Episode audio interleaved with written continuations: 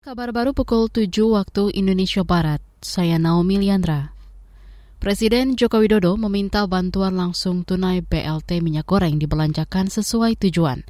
Hal itu disampaikan Jokowi saat meninjau penyaluran BLT Migor kepada 100 keluarga di Jakarta kemarin.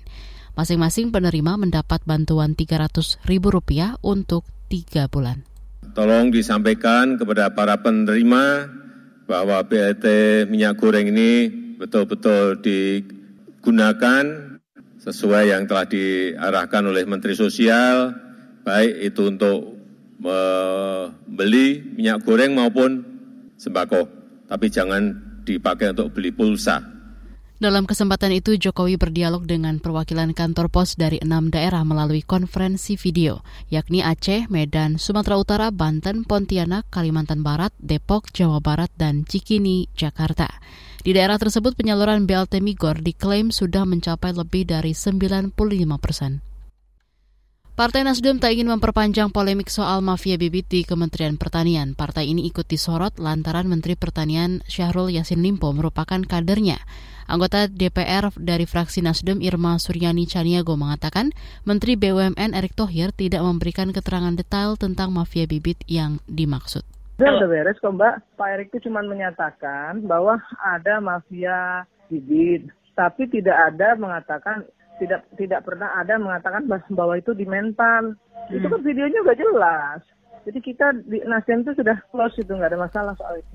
Itu tadi anggota DPR fraksi Nasdem Irma Suryani Caniago. Sebelumnya, Wasekjen Partai Nasdem Hermawan Taslim geram begitu mendengar kabar adanya dugaan mafia bibit di sektor pertanian. Dugaan itu dilontarkan Menteri BUMN Erick Thohir di Bandung pekan lalu.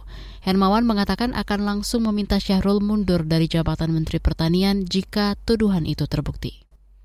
Kita ke informasi mancanegara. Elon Musk resmi membeli Twitter seharga 44 miliar dolar Amerika atau sekitar 635 triliun rupiah bos Tesla dan SpaceX ini langsung mengunggah cuitan di akun Twitternya. Ia mengekspresikan kegembiraan dengan menuliskan ungkapan yes. Musk memastikan Twitter akan memberi ruang kebebasan berbicara bagi siapa pun sebagai fondasi demokrasi. Orang terkaya di dunia ini ingin membuat Twitter lebih baik, salah satunya dengan mengembangkan fitur-fitur baru. Proses Musk mencaplok Twitter awalnya tak berjalan mulus karena ditolak sejumlah pemegang saham, salah satunya Pangeran Arab Saudi Alwa Al-Walid bin Talat Al-Saud. Namun akhirnya disetujui dengan suara bulat oleh Dewan Direksi dan Komisaris. Demikian kabar baru KBR, saya Naomi Liandra.